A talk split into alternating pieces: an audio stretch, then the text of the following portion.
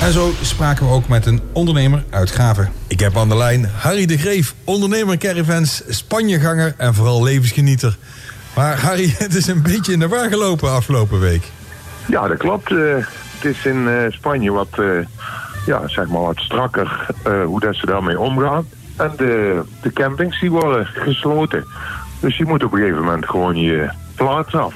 Ja, het, was een beetje, het werd een beetje stilletjes om jullie heen volgens mij. Ja, natuurlijk. als iedereen weg moet, dan wordt het langzamerhand iedere keer een beetje minder. Ja, en, en, en dan de weg terug, dat, dat is natuurlijk dan wel weer... Ja, je moet gaan, uh, hoe noemen ze dat weer, repatriëren richting Nederland. Hoe ging dat? Nou, dat ging toch wel uh, eigenlijk vrij gemakkelijk.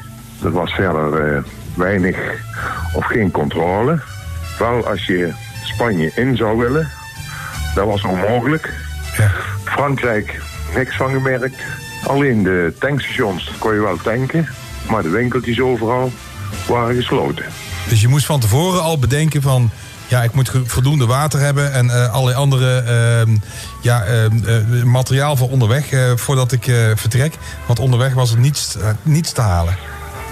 Ja, weinig. Echt, echt weinig. Ja. Dus de voorbereiding, voorbereiding is, dat is altijd hè. Als je weggaat voor een langere reis, dan kijk je even van wat kan ik verwachten. En ja, nou, dan moet je je daarop voorbereiden. Hoe hard wordt die branche getroffen op dit moment? Nou, ik denk uh, niet meer en niet minder als uh, de horeca in zijn algemeenheid of andere bedrijven. Er zullen veel vakantieparken en campings, zeker in Spanje, zullen een paar maanden naar verwachting gewoon compleet gesloten zijn. Nou ben je ondernemer in Graven, ehm, in caravans onder andere. Ehm, kunnen jullie maatregelen treffen? Of is het nou gewoon van, ja, je moet het verlies nemen en uh, uitzingen? Ja, ik denk dat dat de, de keuze is. Je kunt daar verder niks aan, aan toevoegen of weglaten. Of je moet gewoon afwachten.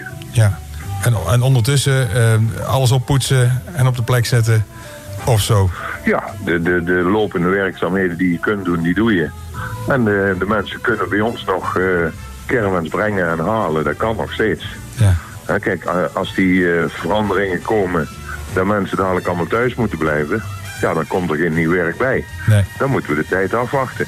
Ja. Nou, en uh, op welk termijn dat het allemaal weer een beetje in het gewone zal komen, ja, dat weet je natuurlijk niet. Nee, dat weet je natuurlijk niet. Nou kennen we jou ook als, als levensgenieter. Gaat dat gewoon door? Uh, zover als mogelijk natuurlijk. waarom, waarom zou je daarmee stoppen? Nee, je moet alleen volgens mij eigenlijk een beetje aan de aan de regels houden die ze, die ze voor aangeven. En niet meer en niet minder kijken wat, wat het ons zal brengen. En zodra het weer kan, dan huppakee, caravan aanhaken en weer terug naar Spanje. Ja, of we dan naar Spanje gaan of elders. Dat maakt niet uit. Het is zo dat de bewegingsvrijheid, ja. als die weer verruimd wordt dan kun je met de caravan kun je weer weg. Of, of, of met de tent. Of ja. met, een, met een kampeerauto. Of in hotels. Of de vakantieparken. Die zullen ook uh, daarvan merken. Ja. Dus dan kun je je vrije tijd erin gaan vullen. Nou, en tot die tijd moet je gewoon rustig afwachten, denk ik. Ja, het, uh, het klinkt inderdaad uh, zo dat je moet afwachten. Harry, bedankt dat je aan de telefoon bent gekomen. En heel veel sterkte. Ja, niks te danken. Sorry dat ik een beetje buiten adem was, maar ik ben bezig om uh, de spullen vanuit de caravan naar boven te brengen. Dus dan zie ik het trap op en trap af. Van, vandaar dat ik uh, een klein beetje uit, uh, buiten adem ben. ik snap het, geen probleem. Dankjewel dat je bent gekomen. Dankjewel, Harry. Oké, okay, succes ermee. Ja, merci.